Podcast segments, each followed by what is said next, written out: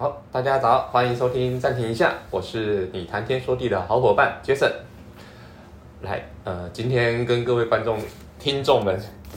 如果有听到说觉得我的声音好像比较奇怪一点点的话，呃，不好意思，因为不是我感冒，是我牙齿在痛，然后它有一点肿起来。那这件事情呢，且让我娓娓道来。就原本今天可能是要聊聊说，因为今天周二嘛，一般是想说，哎，我周末干了些什么？但是想跟大家说，我周末什么都没干，为什么呢？会发生这种事情，是因为我上周吧，一样是上周二，刚好过一周了哈。就是我上周二我预约了牙医的检查，会预约这个检查是因为我当时在我的牙齿有一块补的蛮大的补料。后来好像在吃东西的时候掉了，所以我就想说，哎，那我去预约一下我家附近的牙医诊所，然后把它补起来就好。结果我不知道大家有没有这种感觉，就是说，哎，去看牙医跟你修理机车很像哦，就是你不去就不会有问题，因为牙齿也不痛啊，也不酸啊。但是一旦去了，就会检查出很多的问题，是不是就像你把机车牵去修理的的时候一样？基本上不牵去修理，它就还能骑，还能动。但是，一牵去修理，就发现说，哎，你这个滤网要换啦，你这个齿轮好像磨平了，你的轮胎磨平了，你的刹车有需要加强了，就会开始找出一大堆的问题，对不对？那看牙齿，我一直觉得都是这个状况，所以我除了半年一次的定期检查之外，通常啊，只要没有问题，我也不太会主动的去看牙医或什么的。那后来这一次，因为我是第一次在这间诊所做，那这间诊所其实品质也不错。小时候会害怕看牙医，主要就是你在外面等的时候，就会有一股那个什么，那个钻孔器具的那声音，会让你觉得很惊恐、很害怕。再加上其实几次看牙医的那个感觉都不是非常的理想，就是会痛啊、会酸啊，然后都觉得医生都骗人，这个哪是酸，这个是痛，这个很痛。然后直到后来有一次。在大学的时候做了根管治疗吧，才发现，哎，原来是可以打麻药的。为什么以前的医生你们都不打麻药呢？当然我知道麻药打的太频繁，对身体其实也不好了。好，然后就去了诊所之后，因为第一次嘛，那他照照理来说，除了说帮你拍一张那个什么，先了解你的状况，然后再来就是帮你会拍一张嘴巴的 X 光。那这间诊这间诊所他会帮你拍就是全齿的，就是整个口腔的 X 光。然后果然一拍，哇，不得了啊！首先除了要补的地方看起来没问题，就是把它补起来而已。再来又抓了三四个已经开始有蛀牙症状的的牙齿出来说，嗯，这必须要处理。OK，好，那就是再排时间处理。然后有一颗牙齿，就在我右边下侧的一颗小臼齿，那一颗医生看 X 光片的时候就说，嗯，你这颗以前有补过，而且补的蛮大的。然后我看一看，说对这颗我蛮有印象，那应该是我七八年前补的。然后他们说，可是有一个状况是，你补的下面又开始往下注注进去，那一路已经注到神经，注到有一点接近牙床的骨头的那个地方了。这个其实他们说，虽然用字前值上面说是有一点点严重的状况，但是通常医生会这样讲，那就代表说已经是蛮久的。然后医生就在一边看一边说。你是不是很很多年没有去看过牙医或做过检查了？然后我就说，其实也没有啊，因为我其实固定大概也是半年一年，真的了不起忘记的话就是八个月或一年会去牙医检查一次。然后说，哦，那你前面的医生到底都在干什么？因为那一颗其实蛮那个状况蛮明显的，虽然你可能不会痛，不会什么痒，或者是不会有一些酸的感觉，可是如果有看 X 光的话，其实是一个蛮明显的状况需要处理的。那我就说，嗯，有可能之前的医生没有特别针对那一颗去拍 X 光或是什么的，反正就是没有抓出来。好，那这一次既然看到了，那还是要处理嘛。因为那时候医生有跟我讲到说，你现在之所以不会痛，不会有一些不舒服的症状，有可能是你现在年轻，所以你的抵抗力还不错，所以你的身体跟那颗牙齿的细菌保持了一个很微妙的平衡的关系。但是如果说，未来有哪一天你的免疫力突然下降了，或他们的细菌量突然突然变得比较活跃了一点，那有可能会引发严重的发炎啊，或者是甚至发烧，再严重一点，搞不好蜂窝性组织炎这一类的状况都会有可能出现。所以他就建议说，既然发现就赶快处理。那 OK，我的想法也是好啊，那发现就处理啊。那处理的方式不外乎就是根管治疗嘛，因为已经住到很深了，甚至住到牙床的地方了，那一定是要赶快做根管治疗。所以第一个就排了根管治疗在上周二，那根管治疗完了以后，其实在周二、在周三都没有什么事情，但是突然在周四的晚上，哎，突然开始毛起来痛，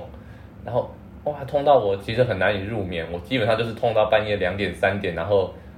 不知不觉就昏昏倒了过去，然后起来的时候还在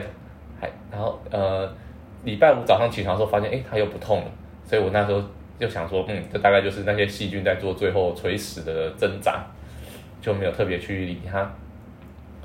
那后来在礼拜五的晚上要睡觉之前，大概十一二点的时候，哇，又开始痛，然后这次痛的更加的剧烈，就一路痛痛痛痛到礼拜六的早上，我整个晚上没睡啊，我就在那边翻来覆去，然后躺着也痛，就只好起来坐着，然后坐着也痛的时候就开始起来走路，然后就这样子弄弄弄弄弄，不断的呃有点好像有点睡着，然后又起来睡着又起来，这样一路弄弄到了早上。就真的好累好累，就没有睡觉。我最后我好像是坐在沙发上睡着的吧。对，然后就礼拜六真的受不了。虽然礼拜六没有预约回诊，没有预约牙医，但是我真的受不了。所以我在礼拜六的下午，我就赶快到了医院去报道，赶快去诊所说，呃，没关系，我可以在现场等。但如果说哪一位医生有空的话，麻烦可以帮我排进去先做处理，好吗？好不好？对，然后就。等到了医生帮我处理，医生也看了一下，那他也跟当时帮我做根管治疗的医生做了一点讨论跟联系，因为根管治疗那位医生那一天没有上班，所以他们也就用来或者是通一些软体去做了一些联系跟询问。那那个医生就说，呃，以他现在的状况啊，确实有可能，因为当时做根管治疗是有发现一些比较更细小的神经，那但是因为他们肉眼看不到，只能用显微镜根管的方式做。但是因为当时我觉得说用一般的方式就好，所以就没有再自费去做显微镜根管治疗，所以他们就没有做到这个措施，所以有可能是还有残留的细菌在做一些所谓的反噬的这个现象，那造成我现在很痛。那既然已经开始痛起来了，他们也提供了三到四个的方式让我去选择，不过原则上一开始还是先以吃药控制啦，因为已经有发炎症状的话，要先把这个发炎的症状去把它消除或者是把它压下去。OK，所以我就开始了吃抗生素跟止痛药的，从礼拜六开始开了一共七天的七天份的抗生素跟止痛药给我吃，然后就开始吃啊吃啊吃啊，一开始也是一边吃一边痛，一边吃一边痛，然后到后来是时好时坏，到后来是哎比较不痛了，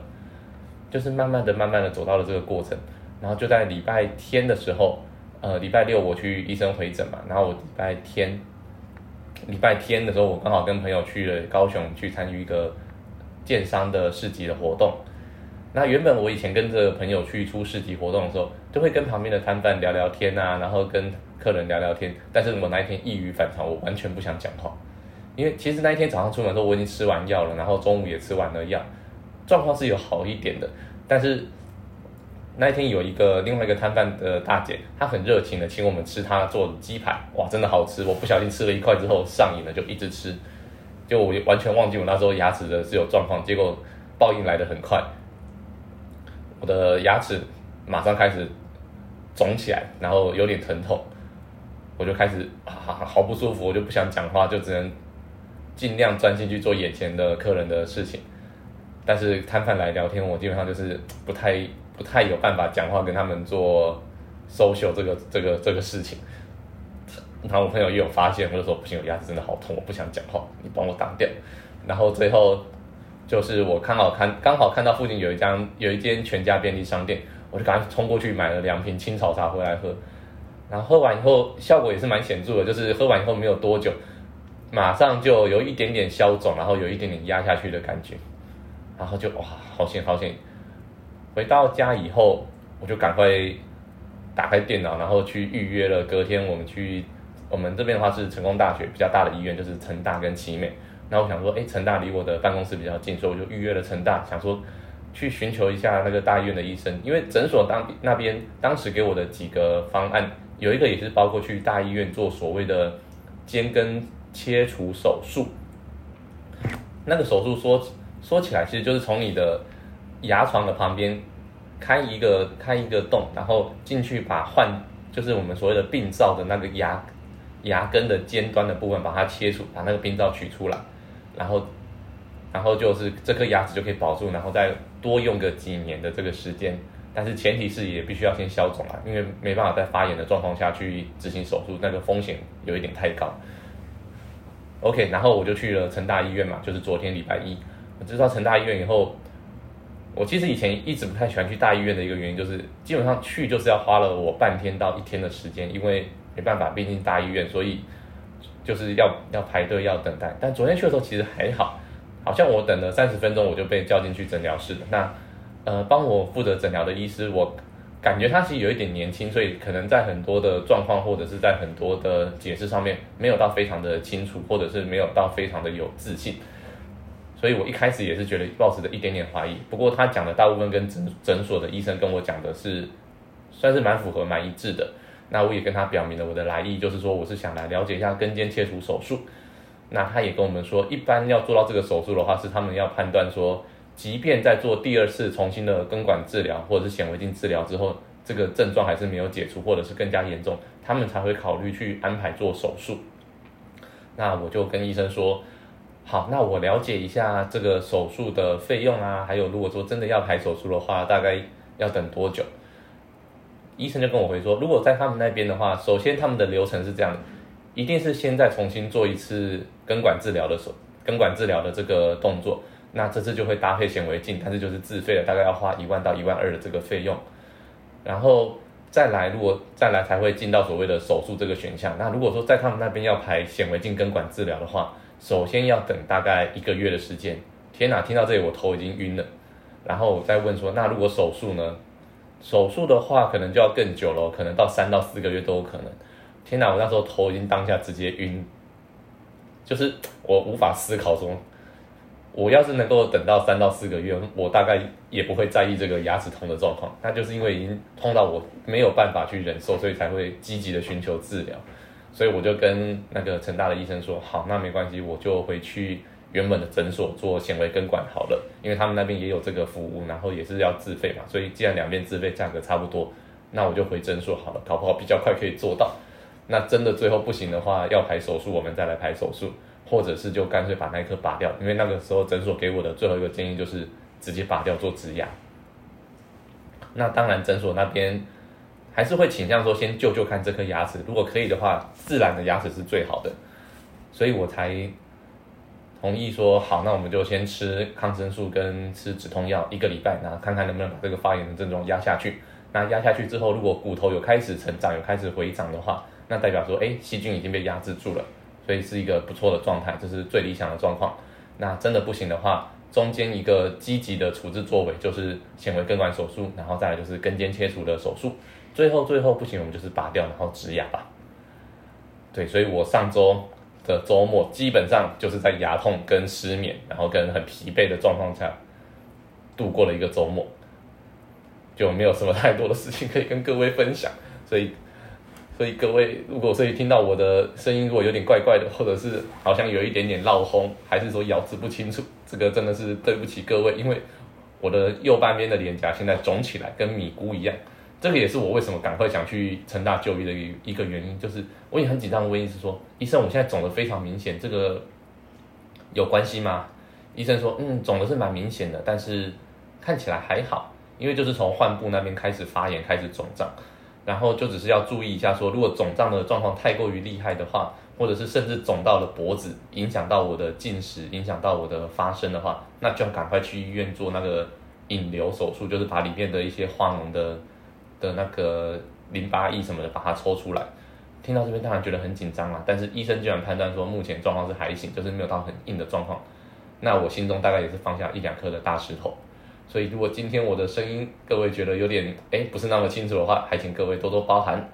好，那我们暂停一下，今天就录音到这里。我的牙齿又开始有一点点肿胀跟痛了，所以我还是不要讲太多话好了。所以今天就在这边跟各位道别，好吗？好，暂停一下，我是 Jason，我们今天录音到这边，谢谢各位，我们下次见，拜拜。